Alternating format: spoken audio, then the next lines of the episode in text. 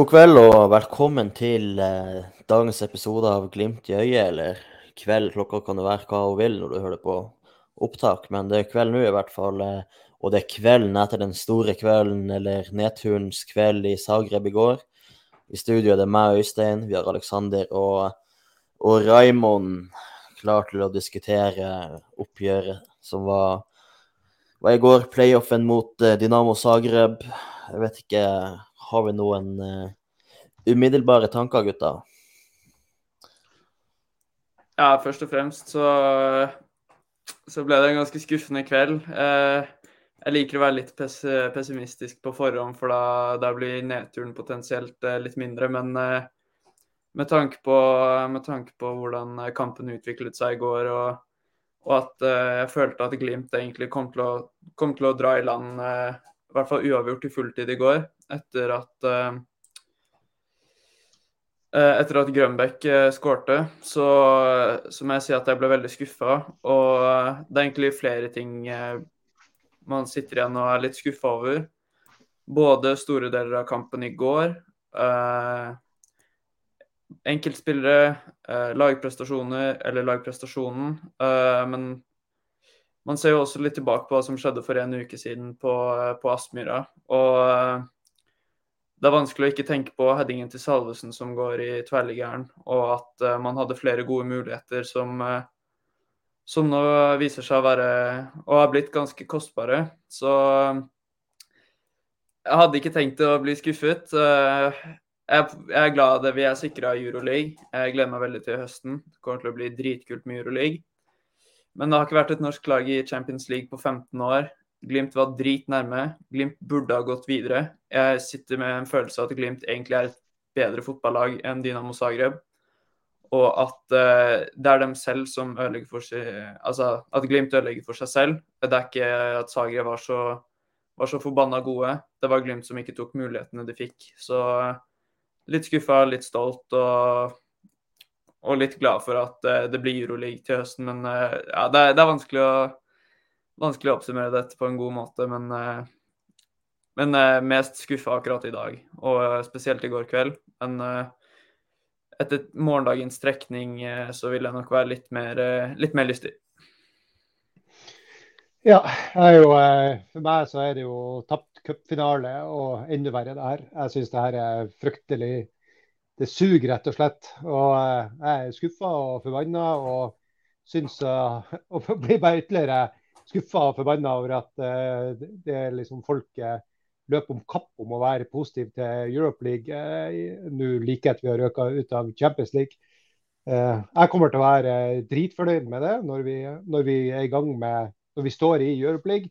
Men i, i dag så, og i den perioden som kommer det, så kommer det her til å være den tapte cupfinalen det er som Saltnes sier, det er ikke sikkert vi får denne muligheten ennå. Det, det, er mye mulig vi ikke, vi ikke får den. Det, det, er mye som skal legge til rette for at det skal gå bra, og, eller for at vi skal komme dit igjen. Og når det er sagt, så syns jeg på en måte vi taper kampen fortjent. Ikke fordi at uh, Dinamo er et bedre lag enn oss. Den 11, 11 mot 11, de beste 11 mot 11 og lag og system, så er vi, er vi egentlig et bedre lag. Men så er det der med du ser det at Dinamo Zagreb er den gamle ringreven, og Glimt er ungfolen som blir slått ut på noe på slutten, selv om alle trodde ringreven og hengte i tauene. Det, det, blir litt sånn. De, er, de, de liksom Når jeg ser det der 3-1-skåringa går inn, så tenker jeg litt i etterkant etter kampen er ferdig at hadde Glimt fått den sjansen, så hadde ikke vi satt den. For at det er liksom, de, de, har kvalitet på en måte i alle ledd og alle spillere. og jeg tenkte også at Går det til straffekonk, så blir vi òg tap. For at, så jeg tror det liksom kommer til individuelle kvaliteter og rutiner, så er de bedre. og det var det de vant på. Ja, nei, altså Dere sier vi er enige, men i, men i går og egentlig i dag også så har jeg vært, eh, vært ganske skuffa. Men, men, ikke nødvendigvis skuffa over at vi røyk ut, selv om det selvfølgelig også var, var tungt å svelge eh, i går. Så, så jeg er skuffa over at spillere som blir bytta inn når, det, når klokka passerer 60 ikke holder mer enn en halvtime fotball. For at når vi bikker 90 og går inn i ekstraomgangene, så ser jo de like sluttkjørt ut som de som har spilt mot HamKam på lørdag, 90 uka uker før, ikke sant. Du ser de som kommer inn pausen i, eh, i ekstraomgangene. Det, ser jo- det ser ut som at de er slitne når de kommer innpå. og Da er det sånn Altså, de, de, de, de tilfører ikke noe energi, de tilfører ikke noe innsats, de tilfører liksom ikke noe Og for meg er det det som er den store skuffelsen i går, er å se liksom OK, Grønbæk og Espejord holder de bare 30 minutter. Konradsen, har han to løp i kroppen, og så er det rett ut? Altså det er diskuterte med en kollega på jobb i dag, sier at det ser ut som at Glimt har elleve spillere som er i kampform. Resten er ikke godt nok trent, eller er, fordi at Knutsen aldri rullerer på laget, så, så holder de ikke De er ikke matchfit, de holder liksom ikke en halvtime, 60 med, med fotball, da. Og det, det syns jeg er det mest skuffende å se, se i går. Ja, det man kan, ja, det er veldig fair å kritisere for innsatsen, for uh, som du sier, var spillerne Det virka som de innbytterne gikk tomme for krefter ganske fort, men eh, men man må jo også stille spørsmål ved kvaliteten. altså Er det bare innsats, eller er det bare at kvaliteten er så langt fra Champions League-nivå som det virka å være i går? Eh, på forhånd, altså Da Konradsen kom inn, så følte jeg meg ganske komfortabel på det byttet. For er det én spiller i troppen som har eh, Bortsett fra de som selvfølgelig spilte Conference League for eh, Glimt i fjor, men han er jo en spiller som har skaffa seg mye erfaring både ved å spille i utlandet, men også spille i Europa med, med Rosenborg. Så det var veldig skuffende å se han. Og, og mange av byttene blir jo også litt påtvunget eh, pga. at spiller, altså, sånn som Vetlesen, han hadde jo aldri i verden blitt bytta ut om han, om han hadde holdt 120 minutter. Men, eh, men det er så langt mellom nivået hans og spillerne som kommer inn. Og, og benken i går var rett og slett for dårlig. Og det er jo noe Glimt må jobbe med videre, for, eh, for man kan ikke ha en så svak benk når man eh, har lyst til å hevde seg i Europa, enten om det er i, eh, i Champions League eller nå i Euroleague. Nei, det er helt klart. Og det ser du jo. Dinamo Zagreb de bytta jo seg sterkere, vil jeg vel si. Marginalt, kanskje. Men de, de får i alle fall inn gode spillere med energi.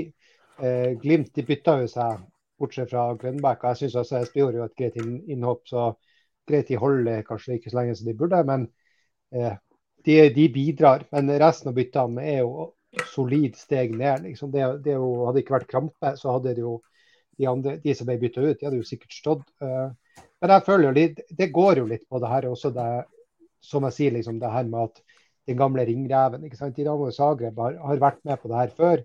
De vet hva de, hva de må ha liksom, i bakhånd hvis det blir eh, ekstraomganger. Kjetil Knutsen sier at han har ikke planlagt å spille 120 minutter.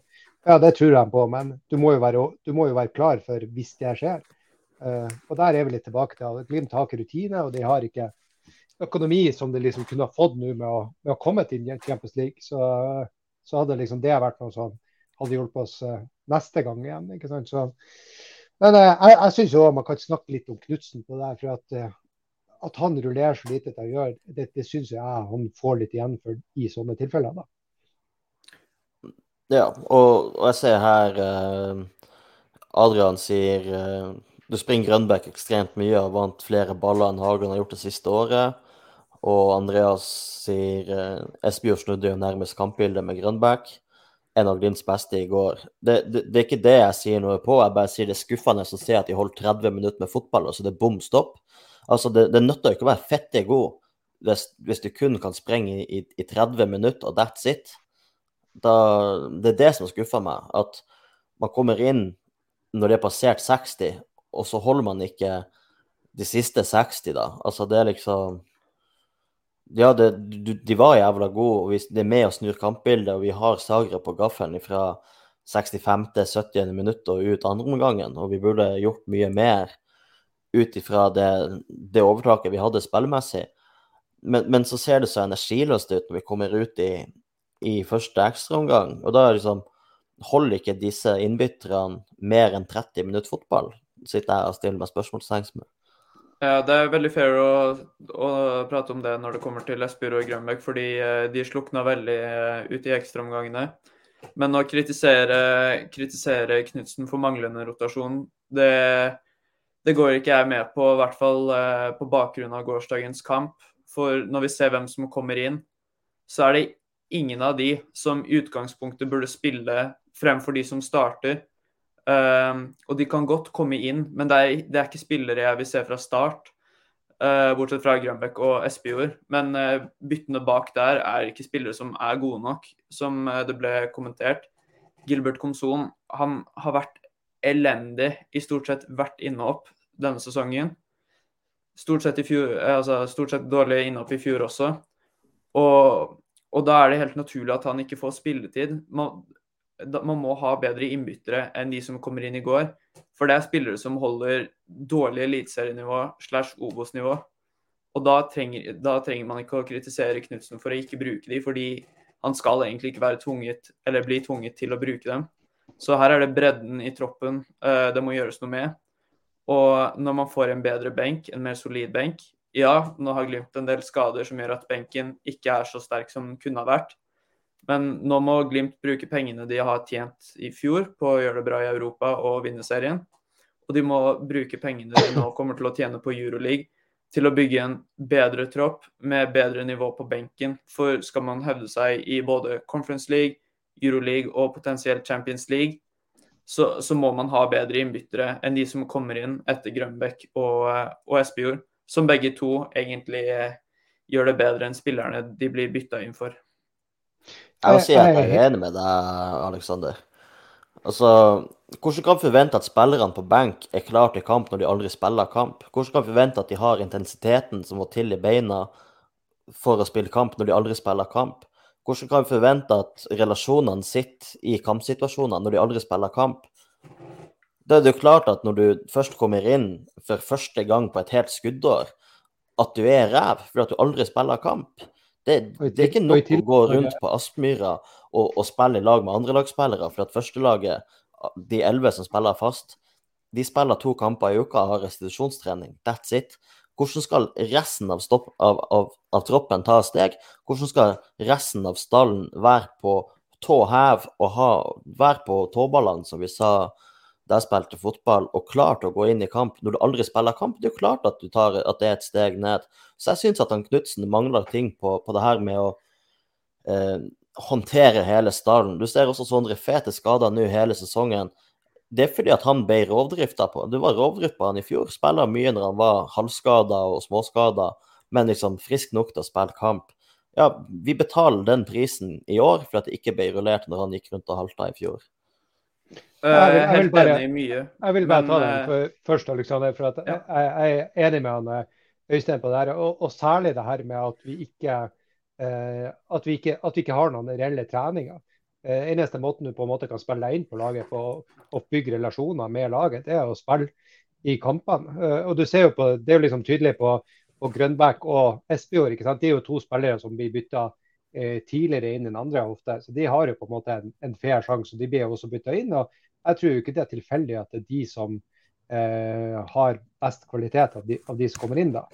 Eh, og så Samtidig så er jeg litt enig med Alexander at du kan jo ikke ta han for mye på det av Knutsen. Men, men, da syns jeg at den biten kan man også skyve over på organisasjonen.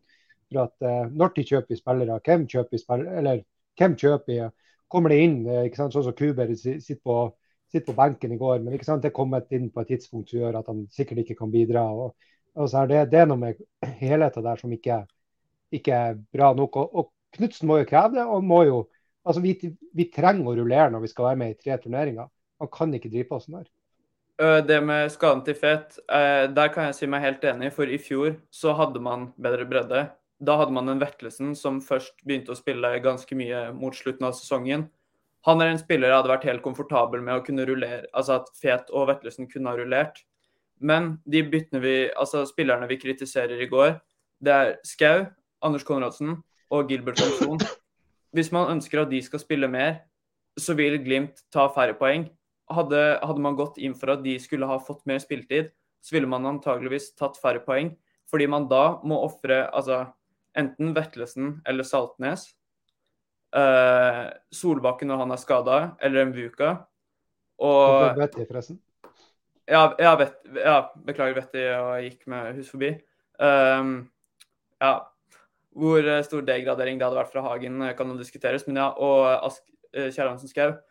Hvis de tre spiller, så svekker man hvert ledd eh, eh, hvert ledd på banen. Eh, og jeg tror ikke man hadde kommet i en posisjon hvor man da kan eh, kvalifisere seg til Champions League. Og da er det mulig at de kanskje holder Conference League-nivå. Men jeg tror ikke man hadde havnet i posisjon til å kvalifisere seg til Champions League. Og når det er snakk om å kvalifisere seg til Champions League, da vil jeg heller bruke de spillerne jeg mener er best, så lenge som mulig, og så får man eventuelt kaste inn det man har, når det er nødvendig. Men, uh, men å kritisere at Gilbert Komson, uh, Ask Kjerransen Skau og uh, Gaute Wetti ikke har fått så mye spilletid, det kan jeg ikke gå med på, for det vil svekke startelveren så betraktelig at man setter seg selv i en dårlig posisjon for å kunne spille Champions League. Ja, men det, det er sånn um, jeg, tror ikke, jeg tror ikke hvis Glimt hadde rullert tre spillere mot HamKam, at det hadde vært så jævlig mye dårligere enn uavgjort uansett. For at den kampen var begredelig. Det var ingen av de som starta den kampen, som så ut som hadde lyst til å spille den kampen. Så, så det er liksom sånn Å bare stille opp det man sier er de elleve beste spillerne, fordi at that's it, det, det, går jeg ikke med på. Det er en grunn til at man har en hel stall.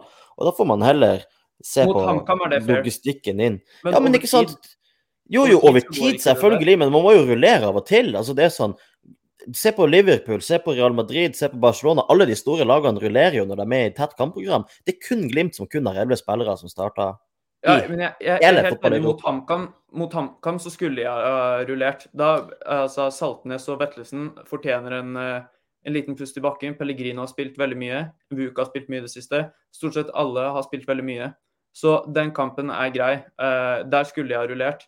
Men å, å, drive og rullere så ofte som, man kanskje, som det kanskje er ønskelig, det, det, tror jeg ikke Glimt er tjent med. I lengden, ja, men da må man ha bedre spillere på benk. Det, det er egentlig det som er Altså, jeg har ikke noe problem med at uh, Knutsen bør rullere mer. Det er jeg helt enig i, fordi spillerne spiller for mye sånn som det er nå. To-tre kamper i uken er for mye uansett.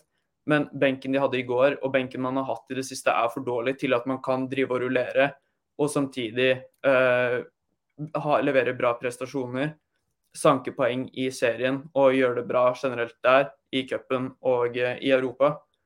Og pr problemet her mener jeg egentlig er stallen. Uh, og ved en bedre stall, ved bedre, bedre spillekjøp, så tror jeg også Knutsen kommer til å bli mer komfortabel med å rullere.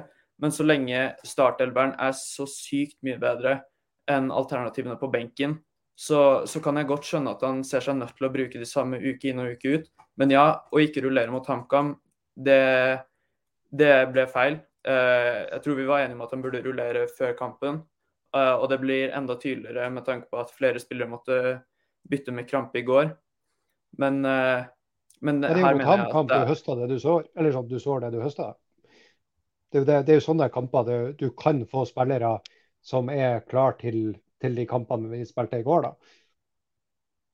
Ja, ja, ja, det er for så vidt det. Men skal man drive og prøve å utvikle konson Anders nei, Konradsen, nei, det er jo ikke det. Vi nei, må ha nei, bedre men spillere. men han kan jo spille med grønnback fra start mot HamKam. Ja, det, det, er jeg helt enig i. Det, det, etterlyste jeg etter kampen og jeg sa at jeg ønsket at han skulle starte. Og, så jeg er helt enig i at han og Espejord f.eks. kunne ha starta den, også spilt nå. Og Sugell Men, kunne, ha starta også. Det hadde jo vært en, en, mann som kan begynne å spille inn. Liksom, ja, mot det er helt fair mot HamKam, men over tid så, så, hadde, så, tror jeg Glimt hadde ligget enda lenger ned på tabellen ved å rullere så mye som vi ønsker, med skadesituasjonen og hvor bred benken er, eh, hvor bred dagens men, benk er. Men, men, hva, her er det overganger. Men hva du, hva du hadde liksom Du hadde jo fort sittet i den situasjonen at du hadde sagt det samme som du nå sier om Konsum. og og ikke, ikke, det at jeg tror på Konsum og, og Konradsen ut ifra det leverte, jeg er helt enig med deg der. Men eh, hvis man ser tilbake på det, den utviklinga Amundsen har hatt nå, den har jo han kun fått som en konsekvens av at Brede Mo og Seri Larsen var skada. Han hadde jo aldri fått sjansen gjennom rullering. Så det er jo griseflaks for han at han, har, han plutselig har vært aktuell for Champions League. Det er jo helt idiotisk. For hadde han blitt rullert, så burde jo han hatt mulighet til å vise det samme. Det var kun tilfeldigheter som gjorde at han havna der han havna nå. Men hvis vi ser på innbytterne i går, da, da har vi jo Kjerransen Skau, som gradvis har fått mer spilletid nå. Men han altså Selv spilte inn har fått, så har han ikke overbevist så mye at han burde ha starta over, over Bris. Spilla ut av posisjon, da. Ja, det òg. Ja, så han, han, han vil ha forsvar, altså. Men, ja, ja, men, ja, altså, for all del. Men eh, er, der mener jeg at det er uh, bredden i stallen som skal kritiseres, ikke Skau. Men Anders Konradsen har jo slitt med skader, og pga. det ikke fått noe ordentlig mulighet til å spille over tid. Gil Gilbert Komson er vel den mest brukte innbytteren i Glimt, og har ikke levert noen verdens ting, selv om han totalt sett har fått en del minutter. Ja, det er ikke lett å komme inn som innbytter, men allikevel, han har ingenting som tilsier at han skulle ha starta. Og han er vel i utgangspunktet også tredjevalg, med tanke på at Solbakken og Mvuka er eh, foretrukne valg foran han. Og Vetti er jo litt det samme som Konradsen. Han har vært en del skada og ikke levert når han har fått muligheten. Og da er det også naturlig at han er lenger bak i køen. Men ja, jeg er helt enig. Glimt må rullere mer. Eh, og det tror jeg de kommer til å begynne å gjøre. Men da er det spillere som må hentes inn. Det er ikke benken i går som, eh, Knutsen må begynne å bruke. Vi, vi trenger flere gode kjøp, som f.eks. Grønbekk. Vi trenger Altså, jeg, jeg, mener at Glimt bør gjøre én sånn signering i året for, at, for å heve taket. At man kan bli enda bedre enn det man er. Og så må man gjøre gode kjøp som, eh, som ikke, altså ikke, i samme prisklasse, men som kan starte for de fleste lagene i Norge. Men er villig til å sitte litt på benk. Men også at eh, man da gjør en avtale hvor det blir mer rullering. Sånn at spillere får hvile, men også nok kamp, eh, kamper. Der vil jo jeg, jeg si at uh, Vetti er en sånn spiller som skadefri og i kampform hadde spillere for de aller fleste lagene i Eliteserien. Problemet er jo hvordan skal du komme i kampform når du aldri får spille? Altså, det går ikke. I hvert fall når motstanderen er sliter med å holde form. Men man kan jo starte med å holde seg skadefri, for det er jo Man kan ikke stikke under en stol at Betty har slitt en del med skader. Han har jo vært ute av kamp, flere kamptropper fordi han har vært skada.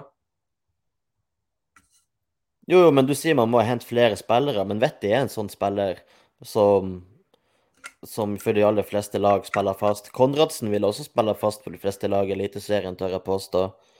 Om det ikke var for skader.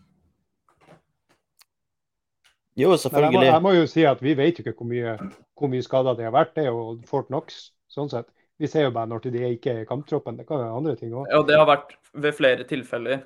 Og ja, jeg, vet, jeg vet de har vært skada, ja. Men, men hvor, hvor, mye, hvor, mye, har de vært tilgjengelig der de ikke har spilt av fordi at de har ikke fått lov til å rullere. Det vet vi jo på en måte ikke. Neida, men, men, det er jo interessant det du tar opp, Raymond. Det er jo, altså det er jo to, to, måneder litt siden nå jeg gikk på sommerferie. Og da vet jeg ikke om han Isak nesten så vidt satt på benken. Han satt vel på benken hvis både han eh, Gjeft og han, eh, Kvile var skada samtidig. Uh, og, og nå er han liksom fast, og folk diskuterer er, er Isak den, den beste stopperen vi har egentlig til å ta med seg ballen gjennom ledd og spille opp bakfra. Og, og det er jo en spiller som for, for to måneder siden var, var, ansett som Glimts femte beste stopper. Folk har lansert han som landslagsspiller uh, nå på under to måneder. Det blir fra, fra hver... Ja, han, er, han var helt ute i reviseboksen. Ikke fått spille i det hele tatt. Og da er det sånn Altså, jeg sier ikke at Glimt skal spille nytt fem-seks spillere når vi rullerer, men ruller nå ut to, da. Altså, også hvis, hvis, vi leder etter 60, ta ut han tredje som du kanskje har lyst til å spare litt, i stedet for å stå med, med samme elveren til det spiller 86 minutter i hver kamp, og så gjør de to-tre bytter for at folk skal få de her eh, nødvendige ti kampene sine i løpet av en sesong for å få medalje. For det er litt sånn det føles ut av og til når du står og ser på Glimt. Veldig. Jeg vil, jeg vil, bare si det, si det at jeg, jeg, vet at jeg snakker litt mot meg sjøl. For at siste, sist sending var det vel, så sa jeg at jeg har veldig forståelse for at han eh, rullerer så lite som han gjør. Fordi at han trenger å liksom, eh, få spilt inn systemet. Og det er først nå det begynner å sitte, etter at Glimt faktisk har vært slitt litt med systemet. Men den kampen her, eh, når det ble 120 minutter på gress, så får vi på en måte en ny, en ny opplysning om, om hva konsekvensene er av, av manglende rullering. Eh, og jeg syns også det at eh, Konradsen, jo, Konradsen og Komson ser jo hjelpeløse ut. Jeg syns ikke Vetti er, eh, er så dårlig. Han gjør noen dårlige valg som gjør at han kommer i noen dårlige situasjoner, men han, ikke, han ser jo ikke ræv ut. Og jeg, synes, jeg, vil jo bare si det at uh, jeg har sett folk som skylder liksom Kjæren som skau for at vi røyk ut av Champions League. Og, nei, det er på ingen jeg, måte hans skyld. Nei, nei jeg, vil bare, jeg, vil bare, forsvare han som på, på vegne av, av, han, liksom. Han er ung, han er i feil posisjon. Jeg vet ikke om han har tid inne opp i Eliteserien. Eh, han, han, gjør han spiller bra ut ifra premissene han har, og gjør det han kan. Det er, ikke, det er ikke hans feil, det her. altså. Nei, og det må jeg jo si også som, som tidligere eh, back og, og litt eh, Eller spilte vel mest stopper og så litt sideback når det, når det krevdes. Eh, så er det når, når, Glimt komprimerer sånn på det kastet, så er det veldig lett som back også å bli dratt med inn. For, for spørsmålet du som back da blir stilt, egentlig, som, som sikkert kverner i hodet på Naske, skal jeg ha et veldig stort rom mellom meg og Marius, eller skal jeg ha rom på utsida av meg? Og han valgte å ha rommet på utsida av seg. Og så er han kanskje litt for smalt, da, men eller litt for treg når den pasninga slås, slås, over. Men det er veldig naturlig å bli dratt med seg over. For at du vil ikke at det skal være store rom å, slå ball og gå på løp mellom deg og stopperen heller, da. Når, når Glimt komprimerer sånn over mot høyresida på det kastet til, til Zagreb. Ja, må, måten jeg ser på at Altså, i hodet mitt så tapte Glimt uh, når dommeren blåste i fløyta etter 90 minutter. He, altså, etter at Glimt uh, satte 2-1-målet, så tenkte jeg at nå må de avgjøre. Og jo lengre det gikk, jo sterkere følelse fikk jeg at hvis ikke Glimt klarer det her til fulltid, så, så vinner Dinamo Zagreb. For hver eneste gang de fikk en liten pust i bakken, om det var 30 sekunder, om eh, de lå seg ned med skade og fikk ett og et halvt til to minutter hvile, så virka de enormt mye bedre de første minuttene etter det. Og når de da får en litt lengre pause mellom 90 minutter og starten på første ekstraomgang, og igjen til andre ekstraomgang, så, så føl, altså, da følte jeg meg så ukomfortabel som Glimt-fan. For de har en helt annen rutine. Eh, og har vært i denne situasjonen flere ganger. Og de tok over kampen i mye større grad. Og som du nevnte tidligere, tidligere i sendingen, Raymond, hadde det her gått til straffer, så så hadde jeg vedda ganske mye penger på at uh, Zagreb kom til å stikke av med det her. Så Glimt hadde sin mulighet fra, fra det 70. minutt til, eh, til, det 90., og de tok ikke den. Og ja, innbytterne som spilte i andre, uh, ekstraomgangene og som ble bytta inn i ekstraomgangene. Leverte ikke noe god kamp. Men, uh, men, da hadde Dynamo Zagreb en helt annen kontroll på kampen enn de hadde, enn de hadde i, ordinær tid, i ordinær tid. Og så er det jo uh, de som har spilt mest, som egentlig gjør feilene som setter Glimt i den posisjonen her. Vi slipper inn to utrolig enkle mål i første omgang. Og, uh, og det gir jo innbytterne og laget et elendig utgangspunkt for å kunne gå videre. Så eh, jeg er litt, litt skuffa over innsatsen og kvaliteten på de som kommer inn, men eh, jeg er veldig, eh, mest skuffa over hvor sinnssykt dårlige mål vi slipper inn. Fint brassespark, men det ble veldig passivt og, og altfor lett. Ja, altså, jeg, jeg, jeg, skrev det på, på chatten, for jeg følger litt med på langrennssendingene om, om, vinteren. Og så har det vært inne tidligere løpere der som, som kommenterte på det her eh, hvor viktig det er å ha lange utforkjøringer, og hvordan det liksom, eh, kan eh, utjevne forskjellen fra de som er aller, aller, aller best, og de som er like bak. For at Hvis du har en utforkjøring på 20 sekunder, så vil en toppidrettsutøver få ned pulsen så mye at de klarer å prestere ganske mye mer. og liksom De får mye i banken, selv om de ikke er de, er de aller beste. Så, så det liksom, det, Sånne ting kan jevne ut et løp. Og det, og det syns jeg vi ser på Dinago Zagreb i, i, går, at de er på gaffelen. Eh, men når eh, Jeg vet ikke de siste ti minuttene hvor mye effektiv spilletid det er, men tipper det ikke noe særlig mer enn tre minutter. Og da ser du liksom Dinamo Zagreb får stadig mer energi, og du ser når det liksom du ser Saltnes si i, uh, før ekstraomgangen, så er det han og peker mot Zagreb. Leser på leppene, og han, han sier sånn De er ferdig! De er ferdig! står og peker når han står i ringen. Men når Dinago Zagreb kommer ut, i ekstraomgangen, har de fått hvile enda mer. Og du ser at de liksom, der, derifra ut så er de smart. De ligger og venter.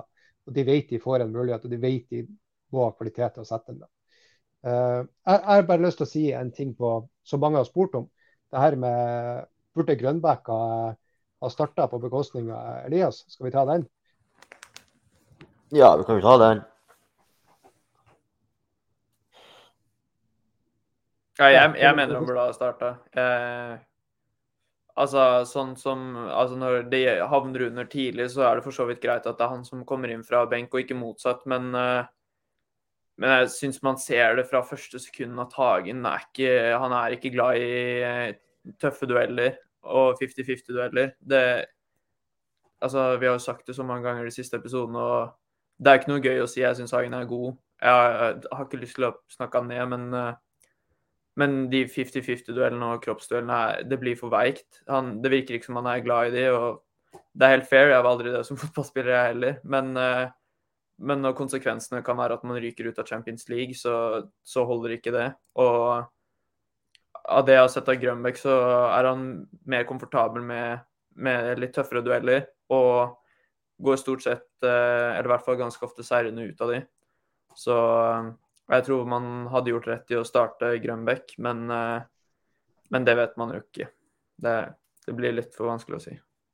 Altså, det, er jo, det er jo en grunn til at uh, etterpåklokskapen er den enkleste vitenskap, hvis man kan kalle det for en vitenskap. Uh, og, eh, men, jeg, men jeg, jeg, forstår egentlig han Kjetil der, uh, hvorfor han starta med den midtbanen han gjør. Fordi indreløperposisjonen i, i Glimt er, er, veldig viktig, både offensivt og, og defensivt. Og, og, det er nok ikke bare bare å bli satt inn på det laget og så forvente at kollektivet Glimt skal fungere fra, fra, start i en kamp med, med, med Grønbæk der og Saltnes ned sentralt.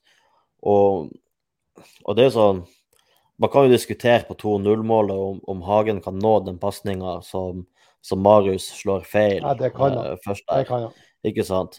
Men, men det er sånn Jeg syns faktisk Hagen i går, når Glimt hadde ballen i laget, spilte en god kamp frem til han ble bytta ut det skjer ting offensivt når, når Hagen har ballen, slår gode pasninger, syns han er produktiv.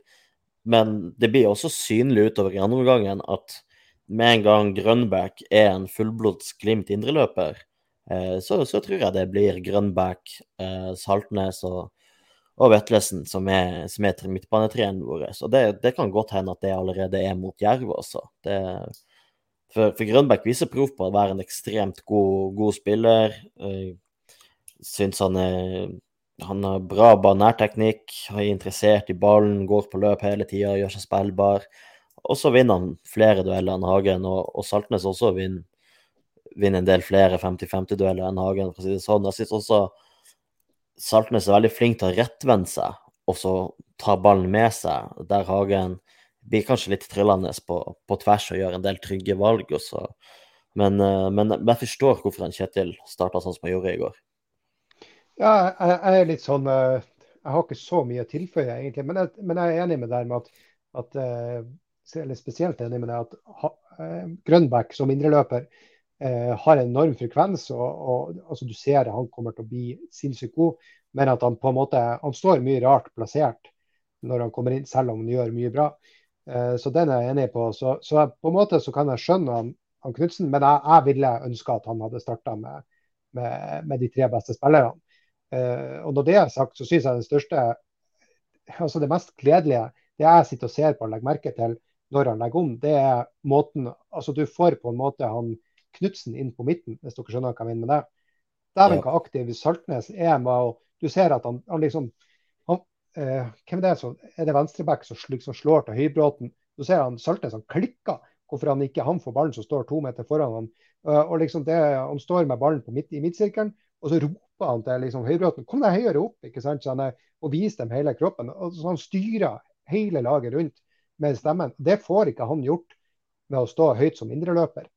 Så jeg tror det der liksom blir en Med Saltnes sentralt så tror jeg vi får en forlenga arm til en som kan liksom kan gi beskjeder fra sentral midt, og der kommuniserer du godt med andre. Og, og det er kanskje en greie med at Patrick Berg var kaptein og kunne være den som gjorde akkurat det her fra en posisjon hvor han kunne nå alle.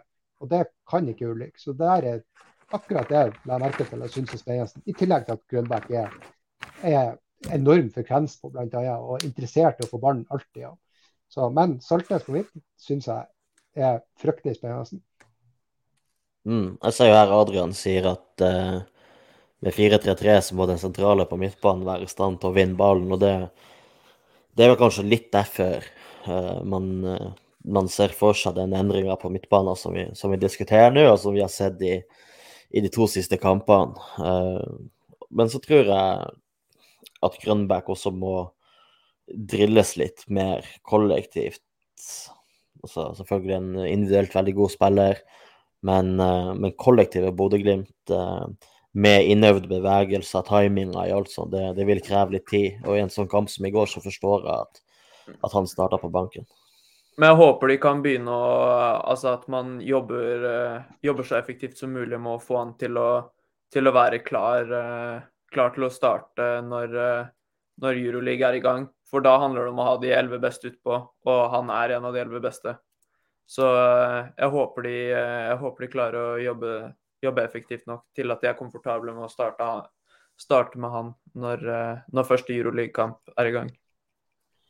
Mm. Og, så spurt, og, så fikk jeg også et slags oppfølgingsspørsmål på det så jeg på, på, Glim, nei, på Glimt i øyet-gruppa, eller på den sida der. Og, og, det var om Hagen liksom kunne være indreløper. Det har jeg sagt, sagt før at det har jeg trua på. Det kunne jo liksom vært spennende når, når Vetlesen fikk krampe, så hadde Hagen kommet inn liksom for, for, for Vetlesen i stedet. Liksom det, det, hadde blitt det byttet. Det, jeg tror, jeg tror han Hagen kan være Han er best offensivt. og Du ser det også i går han gjør mye bra med ballen når han kommer på rettsida av midtbanen. Og, og, I går så var han også god noen ganger og dro på seg press før han slapp ballen. Sånn at eh, vi fikk et bedre overtall lenger frem i banen. Um, så ja, jeg, i hvert fall. Hva dere tror Tror dere han kan være indreløper? Ja, jeg tror det. Og det er jo det er jo egentlig gjennomgangsmelodien i, i alt det jeg drar frem som positivt med Elias Hagen, er jo konstruktive bidrag med ball. Uh, jeg har jo aldri på en måte skrøt veldig av de defensive eh, bidragene han kommer med. Uh, så, så det, det, tror jeg absolutt kan være tilfellet. Uh, og så ser jeg det, det er én ting jeg bare må, må svare på. Ser Andreas Aanstad spør tror dere Saltnes ønsker å spille sentralt. Da, altså det er ikke meninga å være eh, cunty, som, eh, som Erlend Osnes ville sagt, men jeg tror når du, er, når, du, når du, er, fotballspiller under Kjetil Knutsen, så handler det ikke om hva du ønsker å gjøre, det handler om hva du blir bedt om å gjøre. så, så hvis Kjetil Knutsen sier til Saltnes hvis, hvis, hvis, Saltnes, hvis Kjetil Knutsen sier til Saltnes at han skal spille sentral, så tror jeg ikke eh, Saltnes kan komme og si til Kjetil jeg har ikke lyst til å spille sentralt som du gjør når du spiller guttefotball. Det er sånn OK, Kjetil, jeg spiller sentralt. Det, det er det du gjør. men, men det, det tror jeg, da. Ja, du så jo på intervjuet med, med Saltnes etter HamKam-kampen, var det vel der han ble spurt om akkurat det. liksom, at uh, Var det ikke fint å være sentralt? Så jo, han fikk jo være borti ballen mer, men ble jo mindre som i situasjoner. Så det var ikke så vanskelig å lese ut av han at han har lyst til å spille venstre indreløper. Men også var det jo sånn, han, han svarer jo lojalt, så jeg tror jo han, han spiller der han blir bedt om. Og det, Han har jo spilt en del stopper òg, så, så det er jo, jeg tror ikke det er noe. Jeg tror det går helt fint, for å si det sånn. Mm. Det her er jo litt interessant å se uh, Glenn Pettersen med en kommentar. Sidemannen min på Champs gikk hardt ut mot Hagen da Høybråten slo feilpasninga. Mange som er default og skyld på Elias. Og det er jo litt det vi diskuterte etter uh, hjemmekampen mot Zagreb. Det her med at ja, det, det, det er greit, det, det, er ting man kan ta Elias på, men det er veldig mange som når Elias spiller til en femmer, mener at han spiller til en toer eller en ener på børsen. ikke sant? Så men, men jeg tror allikevel at, at den endringa på, på treeren på midten kommer til å skje. Eh, så kan Elias eventuelt være, være backup, rotasjonsspiller, eh, både sentralt og som indreløper. Ja, der vil jeg jo si at eh, når Glimt spiller på den måten som de gjør de spiller, Glimt spiller med en høy risiko, og de prøver å spille seg ut bakfra. Det kommer til å skje feil. Eh, og selv om det der er altså Hovedfeilen ligger hos Høybråten, det er det ingen tvil om. Eh, men så er det akkurat det med at når det skjer feil, så skal man også være, ha spillere rundt, rundt, seg som er gode nok til å rette opp i de feilene. Uh, og det er man avhengig av. Hvis, hvis, det blir sånn at enhver feil fører til et mål imot, hvis man har, hvis man har flere trekk til å avverge det, så, så, blir det stygt. Uh, så, så, ja, det er Høybråtens feil. Men jeg tror jo jeg, jeg står med det jeg, med det jeg sier nå. og det at Jeg tror alle andre på laget, inkludert Haikin, hadde han nådd den pasninga der. Men uh, Hagen er den tregeste spilleren, sånn som jeg ser det, i hvert fall på Glimt. Og jeg tror det er derfor han ikke klarer å, å forskyve seg den, de 40 cm ekstra for å nå den ballen. Men skal vi da fokusere på det som er ganske positivt, og det er at Glimt er i Euroleague. Og det trekkes i morgen ja, enten man vil eller ikke, så er det ganske bra. for Man har aldri vært i mer enn eh, Conference League. Og hadde jeg fått det tilbudet her før sesongen, så hadde jeg tatt det på eh, sekundet. Så jævlig skuffa fordi Glimt egentlig burde ha gått videre, som Jørn skrev. Det her tapte de egentlig eh, på Aspmyra ved å ikke vinne mer der. Men når situasjonen er det den er, så så er det ganske bra å være i Euroleague. Og jeg tror alle som heier på Glimt, kommer til å ha en jævla fin og morsom høst. Og da er det vel kanskje litt naturlig at vi ja, begynner å fokusere litt mer på det som skjer fremover. Og i morgen er det da trekning. Har vi noen ønske, ønskelige lag vi ønsker Ja, noen lag vi ønsker å møte?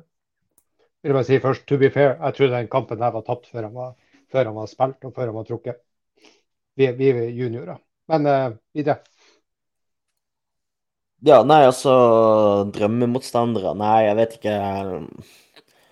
Altså I den grad man har et lag i England, så, så er det jo ikke Manchester United, for å si det sånn. Uh, så hvis vi skal til, til England, så hadde det vært kult med, med en tur til London kanskje, og Arsenal.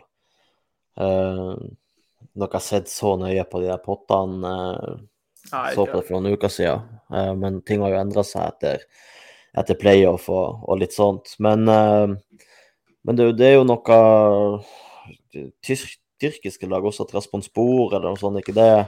De jeg Eh. OK. Men du har jo også Real San Sebastian, er jo litt, litt kult. Det er jo et spansk lag som Skal møte både de og Real Betis. mm, Nei, personlig ikke Roma. Mer enn nok Roma for min del. Trenger ikke å dra til Roma for å se Glimt-kamp igjen. Det holder med to ganger. Hva Jeg støtter Nei, nok Roma for min del. Jeg støtter Geir. Eh, jeg vil ha United. Eh, Arsenal hadde vært jævla kult, men grunnen til at jeg vil ha United, er at jeg tror, om, tror at om Glimt møter United på Aspmyra i november, så tror jeg det er større sannsynlighet for at vi klarer å slå dem, enn det er så stor sannsynlighet for at vi slår Arsenal. Og et eventuelt, en eventuell seier mot United hadde vært sinnssykt kult. Så jeg håper vi får United. Så hadde det vært kult med, med Real Betis eller Real Sociedad. Men uh, så ønsker jeg også at Glimt skal nå så langt som mulig i Euroleague, så man får United og to litt dårligere lag, så går det fint for meg. Men det, det er mulig å møte Boniface og hans nye klubb. Det, det hadde ikke vært ille, det heller. Så uten å ha satt meg altfor mye inn i det, så håper jeg i hvert fall på United. Og noe lag i Glimt har gode muligheter til å slå. Vi kan vel møte Patrick Berg òg, kan vi ikke det? Nei, øh, Jo, Renn kan vi møte. Mm. han spiller vel i Lens, Ja, faen, stemmer det. Da, så jeg tror ikke vi kan møte Nei, Nei. stemmer det. Nei, men eh, altså, herregud, United hadde vært kult. Eh, Braga, Feyenoord, Jarl Sociedad. eh, Ludo Goretz hadde også vært gøy å kunne dra til Bulgaria igjen. Union Berlin kunne vært kult. Eh, en tur til Monaco, men jeg vet ikke hvordan ikke, Det her er bare ei liste med hvilke lag som er, ikke hvordan som er på hvilken gruppe. Ja, Glimt skal Eh, være tredjesida. Ja, Sånn ok, jeg har Men eh, PSV Eindhoven kunne vært kult. Eh, ja, Malmö kunne vi jo møtt. Det er jo Faen, jeg sitter på ei utdatert liste akkurat nå, ser jeg. Så det var litt irriterende. Men vi kan jo også prate litt om hvilke ambisjoner vi har for Glimt. Altså, er vi fornøyd uansett utfall, eller er det sånn at vi har lov og bør kunne forvente at uh, dersom man får en uh, grei trekning og en overkommelig gruppe, så, har vi, så satser vi på nå en kvartfinale, eller hva, hva tenker vi der? Nei, altså, det er litt avhengig av hvilken gruppe vi kommer inn i, og hvem det er vi møter. Men jeg syns ikke det er urealistisk å si at man kan håpe på, eh, på andreplass i gruppa og, og gå videre til, til en playoff for sluttspillet i Europaligaen. Uh, og så syns jeg minimum nesten at man må, altså man, man må nesten komme på en tredjeplass og så komme inn i gjør sånn som, gjør sånn som Celtic, da, og gå, gå ned til, til playoff for, for sluttspillet i, uh, i Conference League. Uh, helt, det, det burde enig. det være veldig gode muligheter til. Uh, så, det, så det Jeg ser det ikke som urealistisk å, å, gå videre som nummer to i gruppa og møte en, en tredjeplass fra gruppespillet i, i, Champions League om å få, få spille sluttspillet i Europaligaen, men det er i hvert fall realistisk, og, det burde i hvert fall være et mål at, å si at vi skal gå ta tredjeplassen i gruppa uansett. Helt enig, og derfor gjør det også skuffelsen min personlig litt mindre, for altså, det er, det er nesten som man bør kunne Altså, det er nesten som man kan forvente det, og da vil man være sikra en del penger og uh, spille i Europa i februar, og det vil jo gjøre at Glimt fortsatt vil være Altså at Glimt er en attraktiv klubb å komme til. For man vil nesten umiddelbart kunne få prøve seg i Europa. Så er det Vi vet jo ikke om det blir i playoffen i Euroleague eller, eh, eller i Conference League. Men eh, for videre spill i Europa så er jo det her veldig positivt for eh, Glimt på, på flere fronter. Så jeg har veldig troa på at det her kan bli veldig bra og gøy. Jeg ser jo at det at, altså Mest sannsynlig så kan vi jo, nesten uansett hvem vi trekker, så kan vi jo eh, tørre å håpe ganske realistisk sju poeng på hjemmebane, liksom. Om ikke ni, liksom. Eh, mm. og det, det, har jo mye, altså det, det, rekker jo langt. Eh, spørsmålet er jo hva gjør vi på, på bortebane. Det er Glimt på bortebane. Eh, altså det der har jo alltid vært en greie. Hjemmebane, bortebane, det, det er ikke noe nytt det der. Men uh, jeg er litt overraska hvor mye det slår ut for Glimt. og helt hvorfor. Altså, eh, jeg har mange gode forklaringer på det, men eh, jeg syns likevel Glimt har litt uforklarlig store, store nivåforskjeller. Minner meg om en eh, Er det ute i vår hage-sketsj hvor Kongsvinger er på bortetur. Kan linke til den på, på Twitter etterpå. men, men, ja, det, det, er jo historisk sett, egentlig så lenge jeg har fulgt Glimt, så har man jo vært innstilt på, på tap på bortebane og uavgjort og kanskje en heldig seier hjemme, egentlig. Så det, så det sier litt om, om hvor, hvor, vi har kommet. Men, uh, men ja, det, det, er ikke urealistisk å, å, å ta, å ta altså, Glimt hjemme i Europa når det er duggfriskt på Aspmyra rundt, uh, rundt frysepunktet. Og, så, så, så, kan man slå hvem som helst. Altså. Det, det, det er ikke noe problem, det. Det er vel ti seire på rad med veldig bra målforskjell òg, så Men hjemmebanefortell er jo liksom det er jo, det er jo velkjent for Alta bookmakere og sånn, uansett klubb som spiller, egentlig. Så det, det var det med Glimt, som syns jeg liksom forskjellen mellom hjemme- og bortebane eh, Ja, det blir sånn. Det er et annet underlag, det er en annen sprett. Kan, banen kan være lengre, kan være smalere, kan være bredere. Det, ikke sant? Det, det er en annen atmosfære på stadion. Mye spiller inn f.eks. den uh, duellen med, med Høybråten og, uh, og Amundsen på 1-0. Jeg, jeg, tenker jo den går liksom på manglende verbal kommunikasjon pga. trykket på stadion. Ja, uh, så det er jo mm. sånne ting som spiller inn. Men, men allikevel, Glimt er liksom signifikant dårligere på borte enn hjemme. Og det er litt så mye at det er litt rart. Akkurat det der med stemninga, der, der må jeg si at jeg ble skuffa. Det der heksegryteopplegget som media prøvde å bygge opp før kampen, det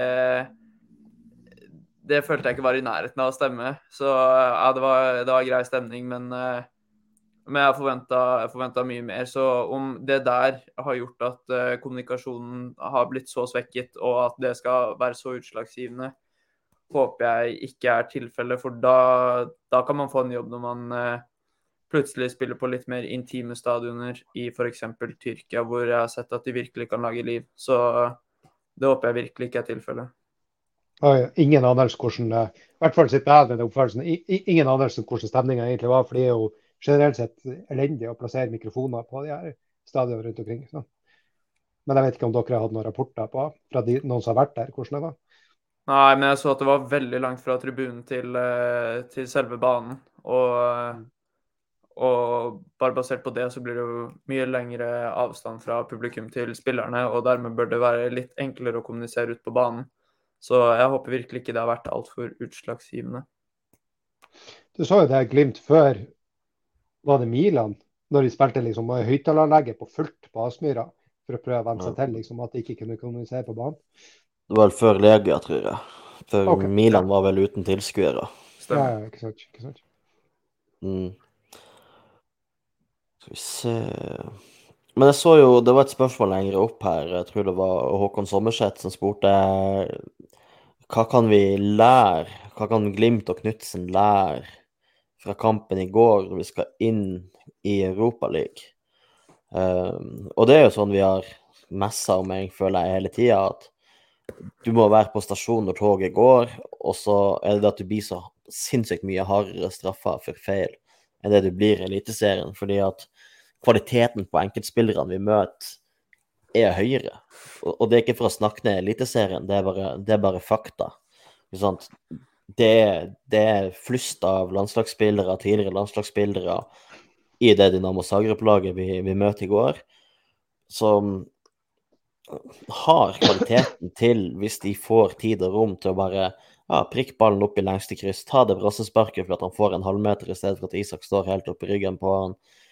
Eh, sånne, sånne småfeil blir mye hardere straffa, og det, det er sånn man må bare- må luke unna.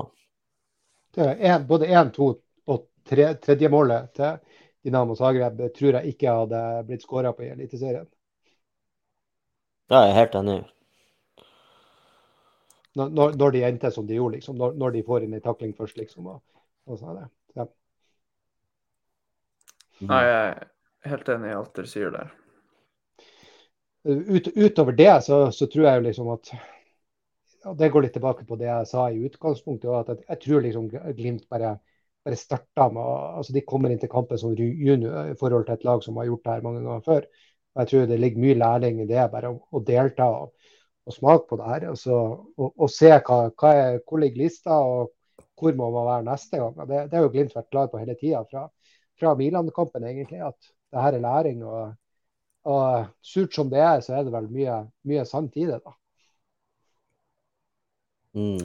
Absolutt. Men jeg skulle tro, eh, tro at de erfarte mye av det samme mot, eh, mot Roma i fjor og generelt over, eh, over sluttspillkampene de spilte i Conference League. For det er jo, det er jo ganske samme konsept, egentlig. Det er vinn eller forsvinn eh, over to kamper. Eh, Den ene forskjellen nå er jo at eh, hadde de eh, vunnet i går, eller i hvert fall ikke tapt med to mål, så hadde de jo spilt eh, Champions League-fotball og ikke kommet enda lenger i turneringen. Men eh, det blir jo litt samme konsept, så Men ja, nå, har, nå vet de i hvert fall hvordan det er å være veldig nærme Champions League, for stort nærmere enn det der kommer man ikke.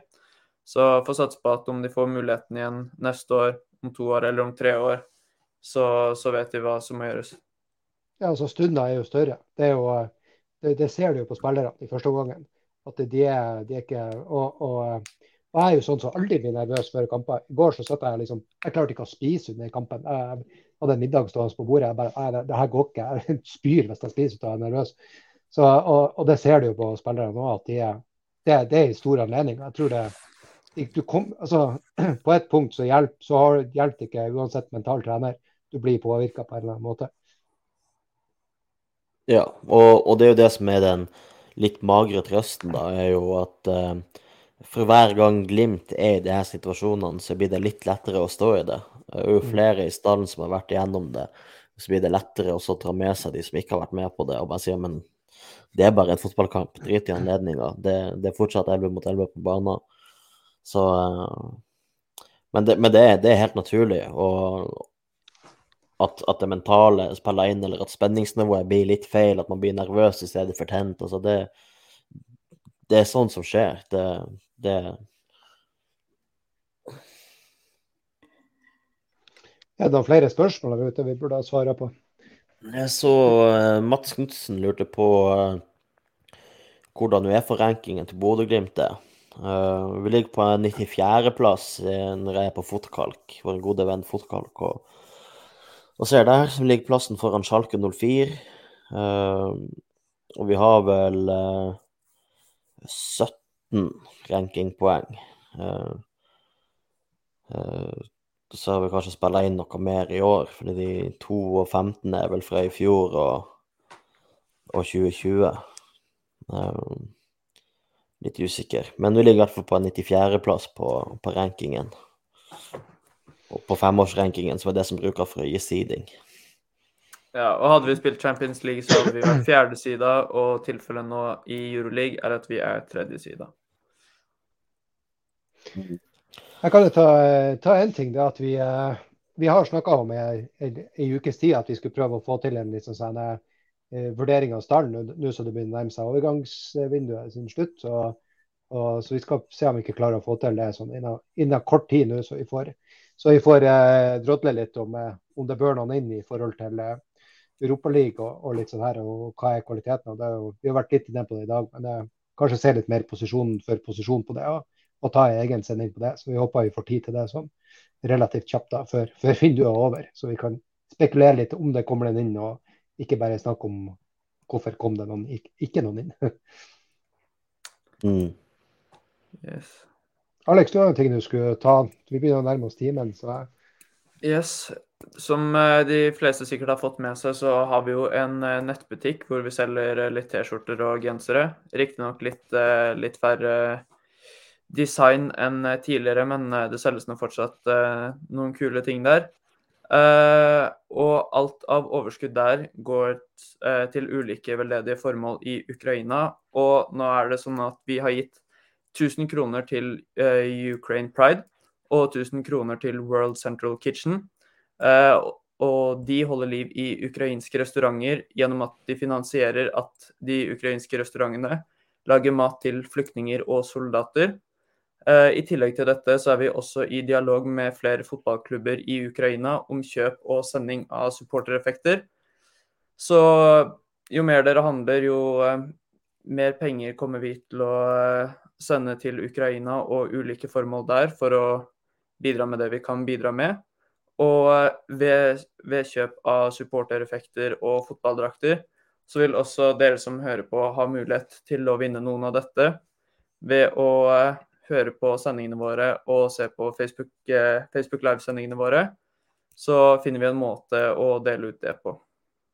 Si, altså, når, vi, når, vi, sier overskudd, så, vi vel, så mener vi vel egentlig den lille profitten vi har på det der. Altså det, er, det, er, det, er, ingen penger som blir tatt ut til noen ting annet enn ja. en, eh, det du sier. Så, ja, ikke, ikke dekk noen utgifter for noen mikrofoner eller noen sendinger. eller noen ting som helst. Det, det er direkte til de formålene. Ja. Yes, Har vi noe mer vi ønsker å si da, eller uh, skal vi bare runde av og uh, prates igjen etter bortekampen mot Jerv, som spilles på lørdag kveld? Jeg så på Twitter at jeg tror vi, vi har svart på de spørsmålene som var, så vi ikke har tatt dem eh, direkte derifra, så vi har vært innom de momentene som var nevnt der. Så, eh, så jeg tror kanskje vi kan, eh, vi kan, runde av. Yes, og da gjenstår det vel egentlig bare å takke Stadium Web for, eller Stream, ja, Stadium Web for eh, hjelp til eh, produksjon av podkasten, og sponsoren vår Adventure Taylor. Så eh, prates vi igjen etter bortekampen mot Jerv på lørdag. Takk til alle som hørte. Webium. Webium, beklager. Webium eh, får hjelp av produksjon.